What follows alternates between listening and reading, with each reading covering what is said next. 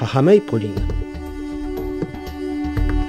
סטודיו של היסטוריה מדוברת ומפגשים פולניים ישראלים. Studio of Spoken History and Polish-Israeli Encounters.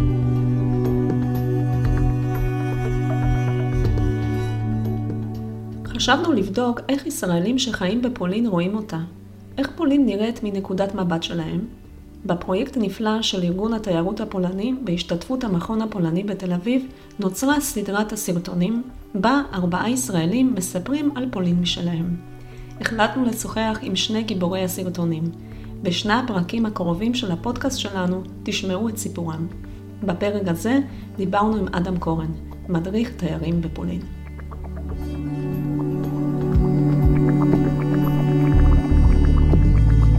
הסרטון שלך מרתק, מלא צבעים, ו...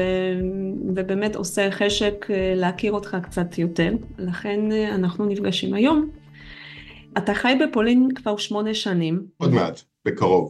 ואנחנו תמיד פוגשים אותך בשטח או בהרצאות אה, שאתה מעביר לפעמים אצלנו בנושא תיירות בפולין. והיום אני רוצה ש, שתיקח אותנו קצת מאחורי הקלעים של המקצוע שלך וגם אה, שתשתף אותנו קצת על פולין מהמבט שלך. אבל אה, לפני שנצלול אה, לענייני תיירות, רציתי לעצור לרגע בסיפור המשפחתי שלך. יש לך שורשים פולניים, אבל לא סתם. זה, זה לא סיפור רגיל. האמת היא שנכון, אמנם אני יליד ישראל, ושיוכי הוא לעם היהודי, אבל אם מסתכלים שני דורות לאחור, אז אה, אנחנו פולנים, אה, מה שנקרא פולנים אסלים. והסיפור הוא שבמהלך מלחמת העולם השנייה, גם סבא וגם סבתא שלי, ההורים בעצם של אבא, התגלגלו לכדי זה שהם אה, הצילו יהודים למעשה. הסיפור המשפחתי בכלל, אני חוקר אותו עדיין בימים אלה, כי כל הזמן אני מגלה דברים חשים. נכון לעכשיו אני יודע על בערך 28 אנשים שעברו אה, אצלם, דרכם, ניצלו בזכות הסיוע שלהם, אז זה בגדול מה שהם עשו אה, במהלך המלחמה. החוליה שמקשרת בין זה שהם עשו את זה ואני נולדתי בישראל, זה העובדה שסבתא הוזמנה לישראל בשנות ה-60 אה, לביקור, אבל היא כנראה החליטה לקנות כרטיס בכיוון אחד, וכשהיא הגיעה לישראל היא גם הבינה מהר מאוד, כי היא הייתה אישה מאוד, אה, מאוד אה, חכמה, ספריטנה אומרים בפולנית, היא הייתה אישה מאוד אה, חכמה והבינה שאם היא רוצה להשתלב בחברה הישראלית, בעצם לבסס את חייה בישראל, אז אין לה ברירה אחרת חוץ מאשר קודם כל להכיר ישראלי ולהתחתן איתו וזה מה שהיא עשתה, אבל uh, לצורך כך היא גם התגיירה. מאוחר יותר כשלהורים שלי, כשלאבא שלי בעצם, הסתדר או הוא הצליח להגיע מפולין לישראל, אנחנו מדברים על שנות ה-70, uh, אה, לא היו קשרים דיפלומטיים, זה היה הלכה למעשה, היה צריך לברוח מפולין, הוא הצליח להגיע לישראל, אז ביחד עם אה, בת הזוג שלו, בהמשך כבר הפכה להיות אשתו ואימא שלי, הגיעו לישראל, ואחרי שהחליטו להישאר עברו את אותו תהליך, כי סבתא שלי אמרה, אם אתם רוצים להישאר פה, אין ברירה אחרת. אני כשכבר נולדתי, נולדתי לאימא יהודייה, אז אה, מהבחינה הזאת זה ככה סוגר את הפינה הזאת. והסיפור הזה הוא היה סוד משפחתי, שלא יודעת, מספרים בלחש ככה שאף אחד לא ישמע, או שפשוט זה היה חלק מה-DNA המשפחתי ופשוט סיפור. איתי בטח לא דיברו על זה יותר מדי, אני ידעתי שיש משהו, יש איזשהו אישיו, סיפור במשפחה מאחורה אה, במשך אה, כל שעות נעוריי, אבל אה, כמו ילד ישראלי טיפוסי שרוצה להיות עוד אחד מיני כולם, לא כל כך חפרתי, בדקתי את הנושא, ובעצם התחלתי להתחבר לחלק הזה של ההיסטוריה המשפחתית רק אחרי שאבא שלי נפטר לפני, עכשיו זה כבר לפני 19 שנה, אני הייתי בן 20, וזה היה משהו שככה הרעיד את יסודות חיי, ומשם הדרך ל... לגלות את ה... להתחבר למעשה, לא לגלות, אבל להתחבר להיסטוריה המשפחתית הייתה, הייתה מובנית כבר, לא הייתה ברירה אחרת. כמה שאימהות פולניות התנגדו לבדיחות האליהן, העובדות בשטח מדברות בעצמן. כמו בסיפור של אורי מהפרק האחרון של הפודקאסט שלנו, גם אדם גדל על אתוס ההשכלה. רופא במשפחה, חשוב מאוד, אבל החיים, כמו החיים, כותבים תסריט משלהם. ספר לנו איך רוקח הופך להיות מדריך תיירות. אוי ואבוי.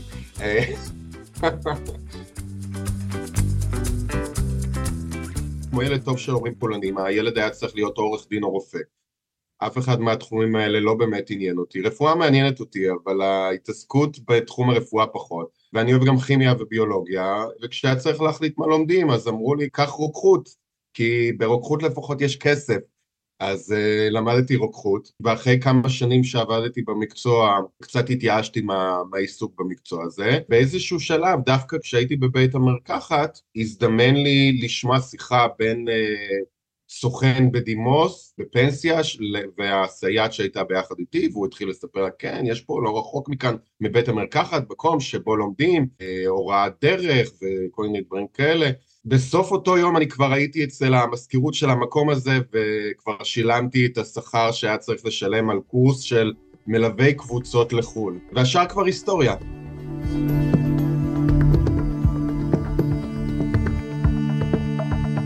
אני לא יכולה לא לשאול אותך למה, למה פולין? הרי אה, יכולת לבחור כל מדינה אחרת, אני יודעת, אתה תכף גם תספר שיש עוד מדינה שאתה נוסע אליה, אבל זה לא אותו דבר.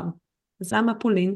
יש לי נטייה, מסתבר, להיות האנדרדוג. אני מאוד uh, נמשך לנקודה הזאת של uh, כשאני מגיע לאיזשהו מקום, אז uh, מאוד נוח לי דווקא בפוזיציה של ה...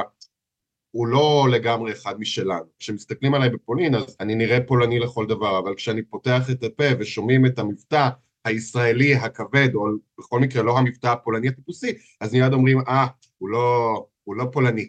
זה פוזיציה שהיא קצת יותר מרתקת, כאילו בואי נשים את הדברים על השולחן, מה, לחיות את החיים הרגילים, אה, עבודה שמונה עד ארבע וללכת לישון בשמונה בערב עם, אה, עם שוך קרקור התרנגולות, זה לא, זה לא בשבילי. אז, אה, אז המשיכה הזאת לפולין היא די, די נט, ואפרופו, אני לא מתעסק בדברים שלא מעניינים אותי, ומה שהזכרת, אז אני גם אה, למשל, אה, כרגע פחות, אבל אה, בעבר יותר, הדרכתי גם בספרד. כשספרד לטעמי מדינה מאוד מאוד מאוד מרתקת. אם לא קשריי לפולין, אני מניח שהייתי נוחת דווקא שם, אבל, אבל בכל זאת פולין משכה אותי קצת יותר.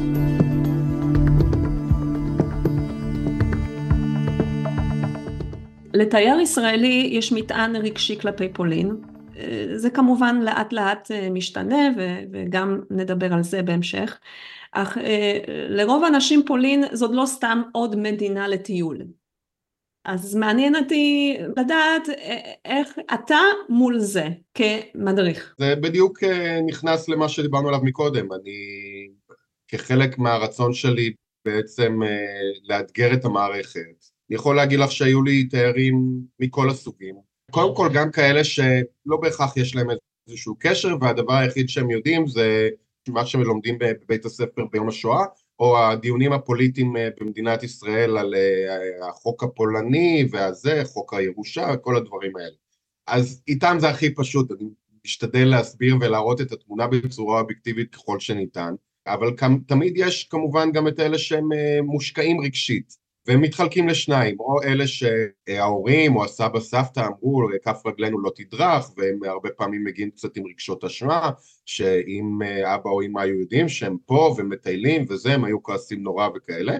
אה, ומצד שני היו לי גם כאלה שבאו ואמרו כן סבתא אני זוכר הייתה לי תיירת אה, אחת וזה היה מאוד מקסים ושובה לב. אנחנו טיילנו בוורשה וכל הטיול היא הייתה עם דמעות בעיניים כי כל הזמן אמרה לי, אני עכשיו רואה ומבינה על מה סבתא דיברה, וכמה סבתא אהבה, וכמה, והגרדברובה, והפריזורה, וכמה טוב היה לה. אז לה למשל, כן היה חשוב לי להראות שבואי, סבתא צעירה, ציור אה, מאוד אידיאלי ויפה, אבל המציאות הייתה קצת יותר מורכבת, ולא תמיד היה כזה קל, כזה נעים או כזה כיף. אבל בדרך כלל אני צריך להראות את הצד השני, זאת אומרת, לאלה שבאים ומגיעים עם ה... אוי, כמה נורא היה לפני המלחמה, אני תמיד נותן להם את הדוגמה הפשוטה. אם לפני המלחמה היה כל כך רע בפולין, נניח לרגע בצד את העובדה שיהדות העולם הייתה מרוכזת בפולין, שים את זה לרגע בצד, אבל הפריחה והשגשוג התרבותי בתחומי המוזיקה והכתיבה והספרות, אה, תרבות היידיש וה, והטנגו היהודי שהיה מוסד של ממש בוורשה בשנות ה-30.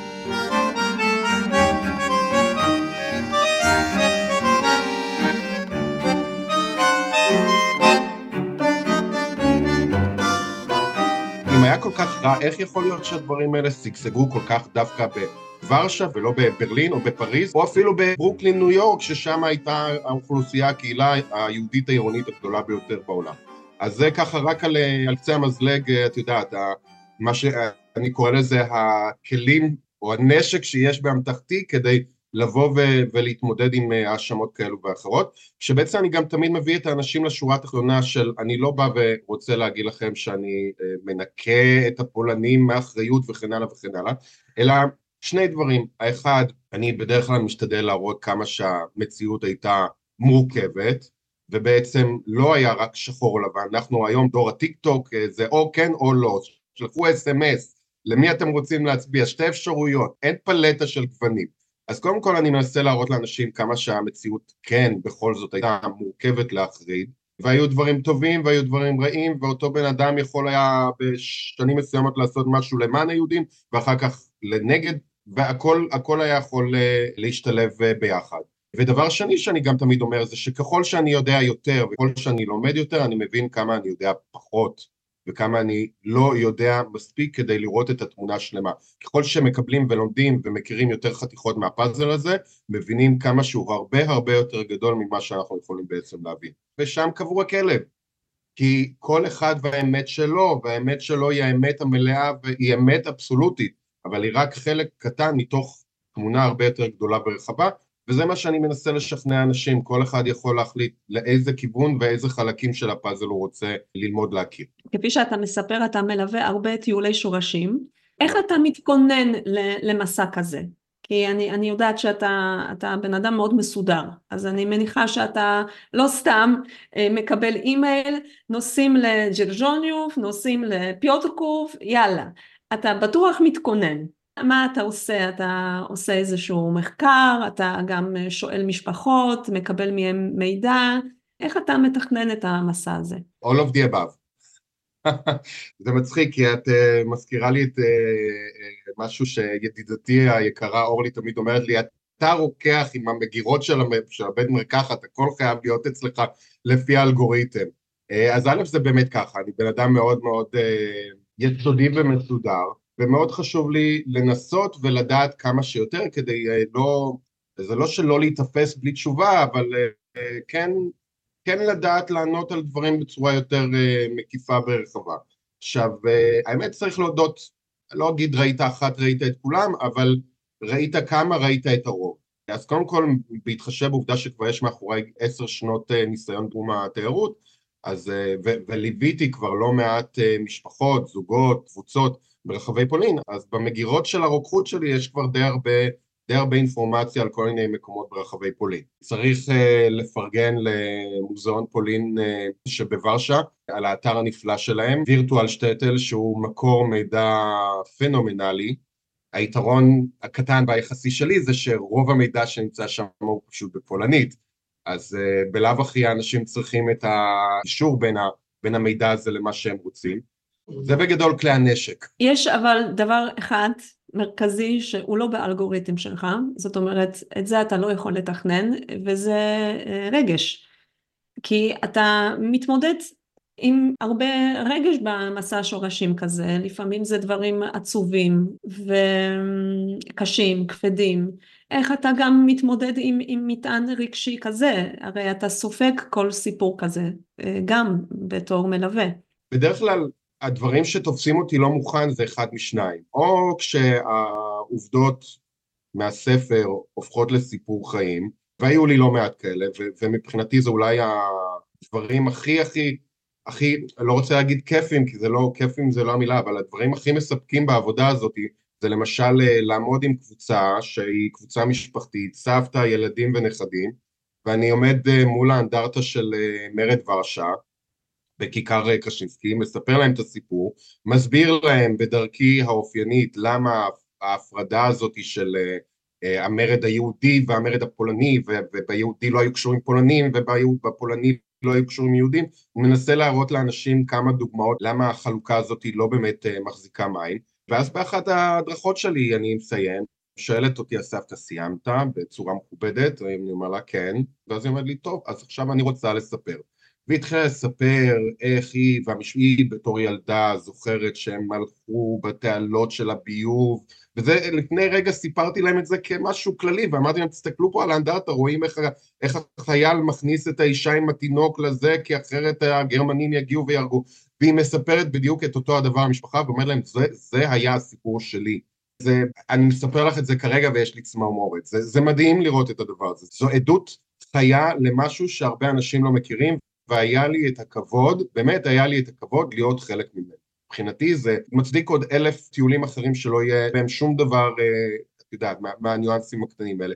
או כשאתה עומד מול הכנסייה בכיכר ג'יבובסקי ומספר להם על הסרטיפיקטים, המסמכי ההדבלה שגודלבסקי היה מזייף עבור יהודים כדי שיוכלו לשרוד מהעבר השני של החומה, ופתאום בן אדם אומר לך, כן, סבתא שלי שרדה ככה. וואו, כאילו, זה דברים שתופסים אותך לא מוכן.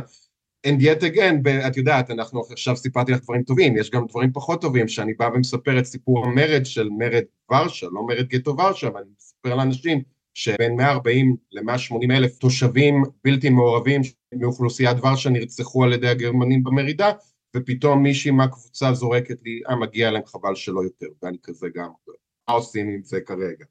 למזלי הרב למשל בדוגמה הזאת, אז הקבוצה התנפלה עליה ואמרה איך את מעיזה בכלל להגיד דבר כזה. אבל יש הכל מהכל, והם מתמודדים עם הדברים האלה, אין לנו ברירה אחרת. אני לא יכול אה, ככה באמצע היום עם אה, קבוצה לבוא להגיד, טוב, אמרתם לי דבר כזה, זה לא מתאים לי, זה לא חלק מהאג'נדה שלי, אני קם והולך.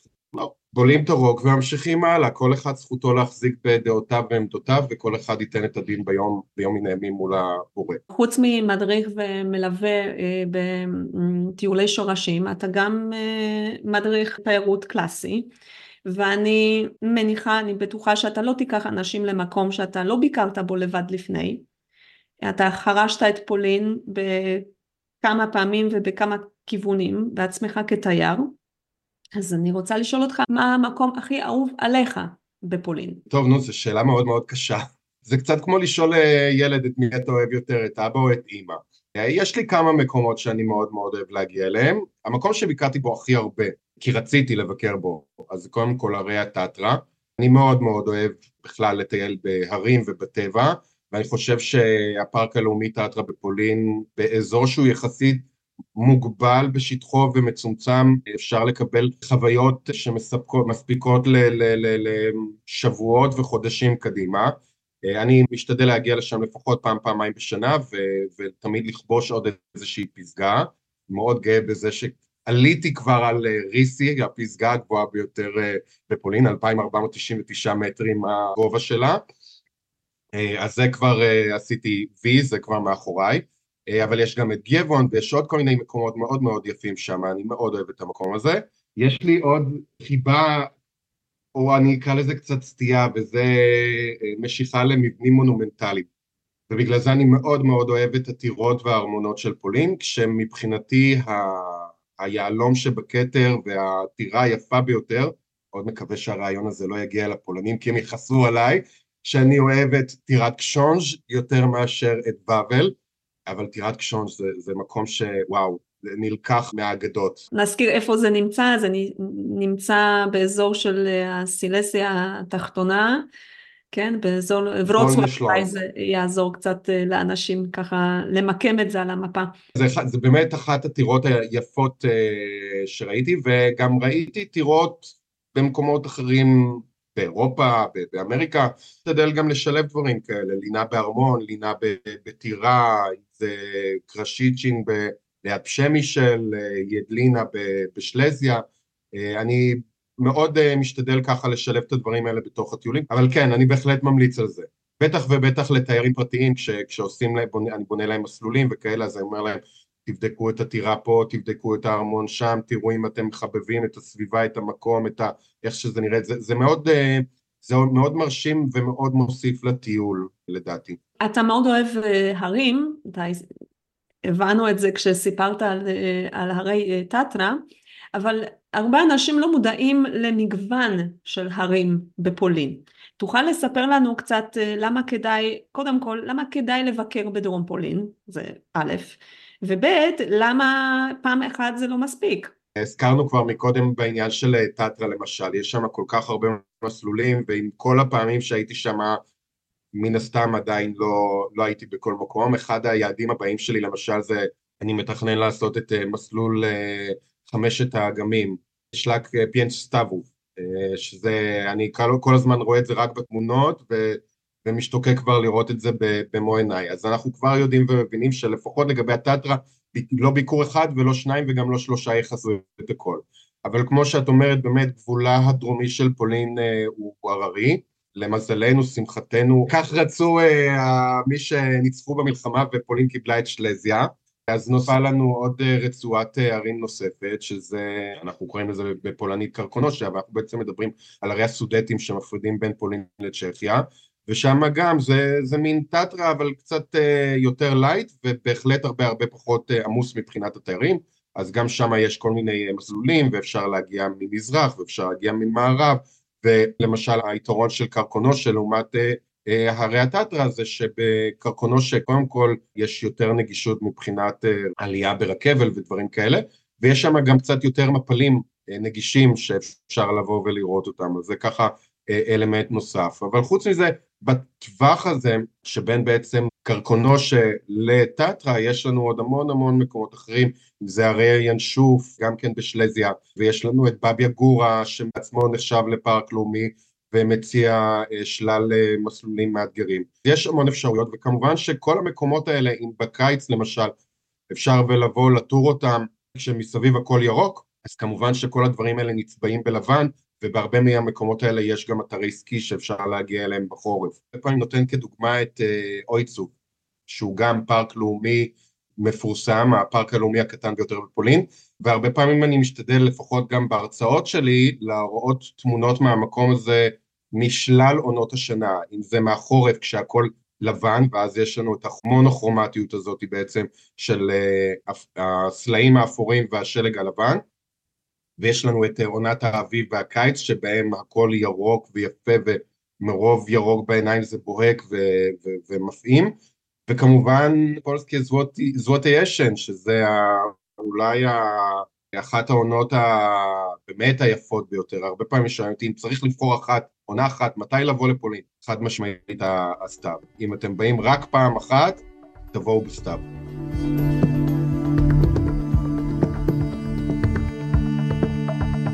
מה עם תיירות אה, קולינרית? הרי יש אנשים שנוסעים לאיטליה, יש אנשים שנוסעים, ל, לא יודעת, לאיסטנבול, ל, ל, ל, אה, לטיול שוק. איך זה בפולין? הרי פולין היא בתקופת קיץ, זה פשוט פיצוץ של טעמים וחומרי גלם. יש לך תיירים שבאמת יש להם חשק אה, לחרוש את פולין מזווית הזאת? זאת אומרת מסלול אוכל, מסלול קולינרי? חד משמעית, ולשמחתי הרבה אנשים כבר בימינו לא מגיעים עם הסטריאוטיפ של האוכל הפולני כסטריאוטיפ לאוכל טפל ולא, ולא מעניין. אנשים כבר הבינו שהמטבח הפולני, נקרא לו הפולני האתני, או הפולני שאיננו יהודי, הוא מטבח אה, מאוד מאוד אה, עשיר בטעמים. לא אגזים ואגיד מתובל, כי מתובל זה כבר באמת יותר עניין של השף אה, הספציפי, כמה, כמה פלפל או, או מאירנק או כל מיני דברים אחרים הוא הכניס לתוך המנה, אבל uh, המגוון והעושר, וכמובן אנחנו מדברים על מטבח שמתבסס על, על ירקות ובעיקר בשר שהם אה, פרודוקטים מקומיים, אז אפשר למצוא דברים מאוד מעניינים בהרבה מקומות ברחבי אה, פולין. שני דברים שישראלים עדיין לא יודעים לגבי פולין, זה שלמשל יש כל מיני גבינות שהן ייחודיות.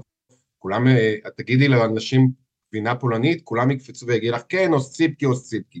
אבל חוץ מהאוסציפקי, שזה הגבינה המעושנת מחלב כבשים שמייצרים אה, באופן מסורתי בדרום פולין, מיוצרת בדרך כלל על ידי גורלים, יש לנו את גבינת קורצ'ינסקי שמגיעה אה, מצפון מזרח פולין, ויש לנו את הגבינה הקשובית שמגיעה מאזור של הקשובים, ואם אנחנו כבר בעניין של קולינריה ואפרופו הסרטונים, דבר שגם כן קצת מפתיע עכשיו ישראלים, ואני מקווה שהדבר הזה ישתנה מהר מאוד וזה כבר לא יפתיע אף אחד, אבל יש לנו גם את הנושא של יין. יין התחילו לייצר אותו בפולין ייצרו אותו מאז ומעולם, אנחנו מדברים על היסטוריה של אה, ייצור יין כבר אה, מהמאה ה-12-13, אבל בימינו אלה, ובמיוחד אה, אחרי ההתפרקות של הגוש הקומוניסטי, יש גם את האלמנט הזה שהרבה מאוד אפשר לראות, הרבה מאוד יקבים, בעיקר יקבים קטנים ופרטיים, שמייצרים יין מאוד איכותי. צריך להגיד את זה, הפולנים בינתיים חזקים ביין לבן, ביין האדום, אנחנו צריכים לחכות לעוד קצת שינויי אקלים שיאפשרו להם לגדל זנים אדומים טובים שיפיקו ינות משובחים, למרות שגם ינות אדומים פולנים כבר פגשתי, אבל חד משמעית היין, ה... היין הלבן הפולני הוא יין שמפסיד מי שלא מנסה אותו, ותיזהרו כי זה נורא ממכר. תחוו את הדבר הזה ותראו מה זה יין פולני לבן טעים ומדהים.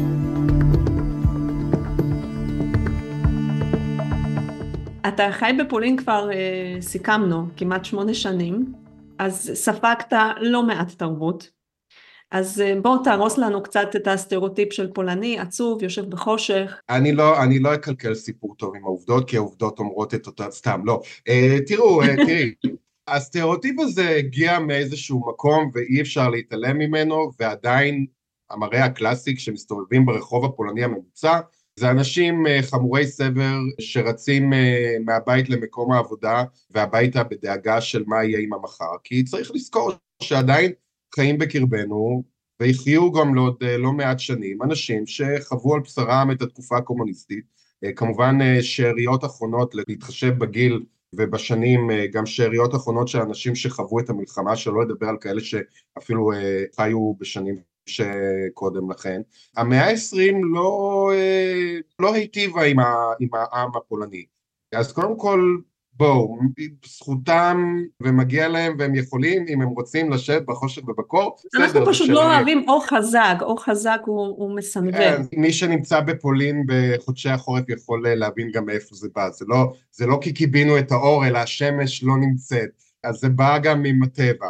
אבל אם נשאיר רגע בצד את הסטריאוטיפ, אז הדברים האלה מתחילים להשתנות, וצריך לקחת בחשבון שאנחנו כבר למעלה מ-30 שנה מאז, עוד מעט כבר 35 שנה, מאז שנפל הגוש הקומוניסטי, וילדים שנולדו אחרי, או נגיד את זה, ילדים שנולדו לפולין הדמוקרטית, בימינו הם כבר בני 30 ו... ומתחילים להקים תאים משפחתיים, אז הדברים האלה משתנים לאט לאט. זה עניין של זמן. ומה אדם קורן עושה בערב בוורשה? איך אתה מבלה? איך אתה מסכם את uh, חיי תרבות uh, עולם התרבות. של היום? אחד הדברים שהתחלתי לעשות הרבה יותר ממה שעשיתי קודם לכן, זה לצרוך תרבות. קודם כל, כמובן, יש לי את היתרון שאני מבין את השפה, אבל uh, שלא נתבלבל, uh, גם אנשים שלא דוברים את השפה יכולים ליהנות מעולם התרבות הפולני, וגם הנושא של הצגות וקונצרטים ודברים כאלה, רק בשנה החולפת אני יכול, סוף סוף אני יכול לספור על יותר מכף יד אחת את הדברים שיצא לי לראות, ראיתי את נאשה קלאסה, הכיתה שלנו, הצגת תיאטרון שהיא כבר ותיקה, אבל עלתה שוב בחלק מהתיאטראות בוורשה השנה, וראיתי את קינקי בוטס, מי שמכיר מהמחזמר והסרט, אז עשו לזה גם גרסה פולנית, מבחינתי היה צריך לשלוח את הדבר הזה לאוסקר, ההפקה באמת פנומנלית, אני מעולם לא ראיתי דבר כל כך יפה ומוצלח. ראיתי גם את גריז בשפה הפולנית. כשאתה נמצא בוורשה, התרבות כמעט שואבת אותך לתוכה, זאת אומרת, כמות התיאטראות ואולמות הקולנוע והאפשרויות של מחול וקונצרטים ודברים כאלה, יש, יש כל כך הרבה, תוסיפי על זה שיש גם דברים שהם חינמים ובאוויר הפתוח, למשל הקונצרטים של שופן בפארק וז'ינקי בתקופת הקיץ, אני חושב שגם בשנה האחרונה הייתי ב... זה היה כבר ברמה של שבוע כן שבוע לא, זאת אומרת, וזה תענוג, אתה בא לפארק, מקשיב למוזיקה שמישהו מנגן לך ב live, חוויה מאוד מאוד מאוד מהנה, זה פשוט כיף לחוות את הדברים האלה ולחיות את הדברים האלה. מה מבחינת המוזיאונים? לאן אתה לוקח תיירים? אני יודעת שיש גלריה מעניינת מחוץ לוורשה, אותה גילית לאחרונה. נשמח לשמוע המלצות.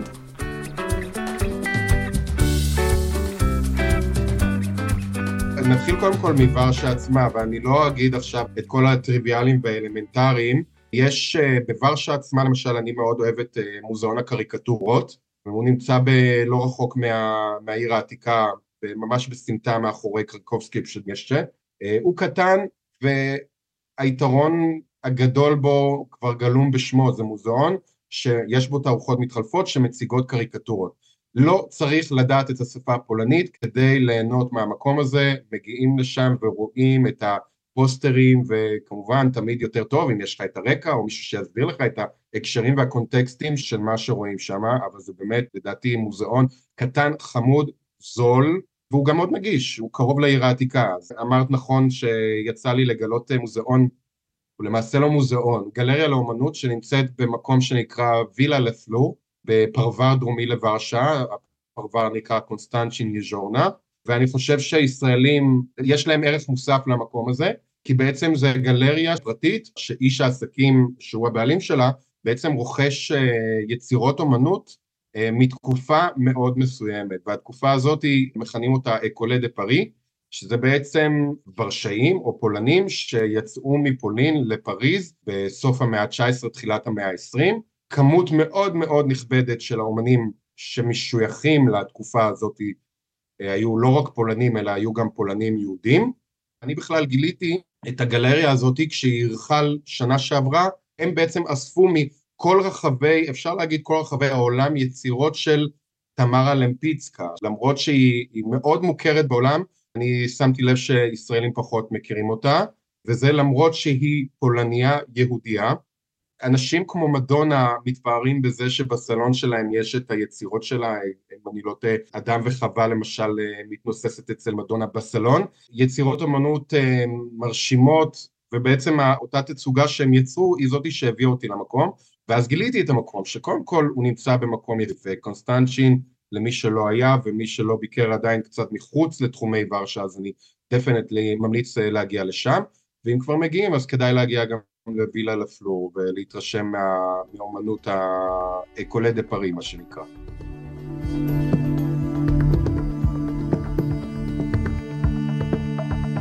אז כשכבר מדברים על תרבות, בסוף רציתי לשאול אותך על אה, מוזיקה, איך התחברת למוזיקה הפולנית?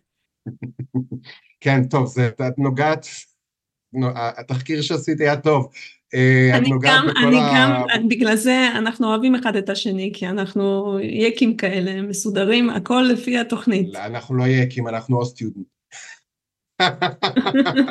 כן, המוזיקה הפולנית, אני אה, גם כן מאוד מתחבר אליה, אני באופן ספציפי מאוד אוהב תקופה מסוימת, הזכרנו אותה בעצם בתחילת השיחה שלנו, וזה המוזיקה שבעצם אה, נוצרה אה, בתקופה, מה שמכנים האינטרבלום, בין אה, מלחמות העולם, שנות ה-20 ושנות ה-30, שבעצם המנוע, ש...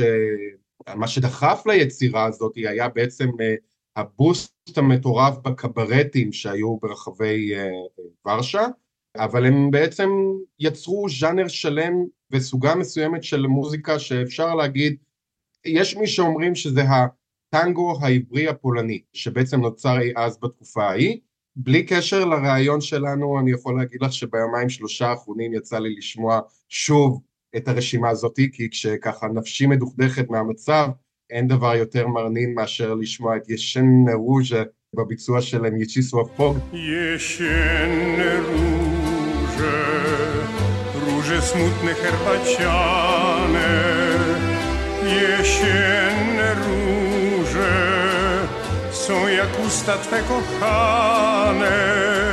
או ימאם צ'אסיה פוצ'קאם ועוד הרבה זווטב שבוי, כל, כל מי שדובר פולנית בטח מבין את מה שאנחנו אומרים וזה לא רק קללות, או יותר נכון זה לא קללות, זה דברים שקשורים לז'אנר. אבל אה, כן, אני מאוד אוהב את המוזיקה הזאת. מה שאפשר גם לומר, ש, שזה שאתה אוהב אה, את הטנגו הפולני, אה, זה לא רק אתה, כי באמת זה נהיה מאוד פופולרי, ואפשר לומר שלפני כמה שנים היה קונצרט בארץ של תזמורת, של להקת ג'ס, תזמורת של מוינלסקי מסצקי, שהם עשו חידוש של עיבודים של כל מיני שירים מדהימים של לפני המלחמה, ש... רוב המלחינים, ולא רק מלחינים, אבל גם מי שכתב אה, מילים לשירים האלה, אלה היו אה, אומנים אה, יהודים פולנים. רוב אנשי התעשייה היו יהודים. זה אפרופו סיפור... הפריחה של שנות ה-20 וה-30. זה סיפור מרתק. אני גם מאוד אוהב את המוזיקה העכשווית. אני חושב שיש להיט פולני ש... קודם כל, כשאני משמיע אותו לישראלים, אין ישראלי ששומע אותו ולא ככה נתפס עליו ואומר, וואלה, משמיעה ראשונה אומר, וואלה, זה אחלה שיר. אנחנו מדברים כמובן על איצ'בי יתש ברדזו, שזה שיר שבעצם הוקלט במסגרת פסטיבל שיש כל שנה בפולין, שנקרא מנסקי גרניה. אל תתבלבלו מהשם, הם אמנם מנסקי גרניה זה מנסקי גברים, גרניה הקלטות, אבל גם הם מארחים אה, כמעט תמיד אה, גם נשים. איצ'ב יתש ברדזו הוא באמת אה, שיתוף פעולה של שלושה תותחים בתחום המוזיקה הפופולרית בימינו בפולין. זה שיר שאני חושב שהגיע הזמן או להתחיל להשמיע אותו בגלגלצ, או לפחות אה, לעשות לו גיור ולהביא אותו לארץ ולהקליט לו גרסה בעברית, כי באמת אה, זה שיר שהוא, אני תמיד אומר, טיפשים שלא שלחתם אותו לאירוויזיון, כי סוף סוף היינו מארחים אותו בוורשה שיר, שבאמת כל מי ששומע אותו אוהב אותו. אז זה למשל אה, אחד השירים הפולנים העכשווים שאני מאוד מאוד מאוד אוהב. Otwieram oczy, idę, widzę na jeden metr skoszona trawa, nudny dzień. אדם, תודה רבה, לקחת אותנו ממש ככה במסע מסביב פולין, מכל מיני פינות, גם על המקצוע שלך וגם קצת תיירות וגם תרבות לקינוח. אז עשית תיאבון, לי בטוח, וסנטימנט, ואני מקווה שהמון אנשים ייהנו מלהקשיב לך. תודה רבה. תודה לכם, תענו כל פעם מחדש.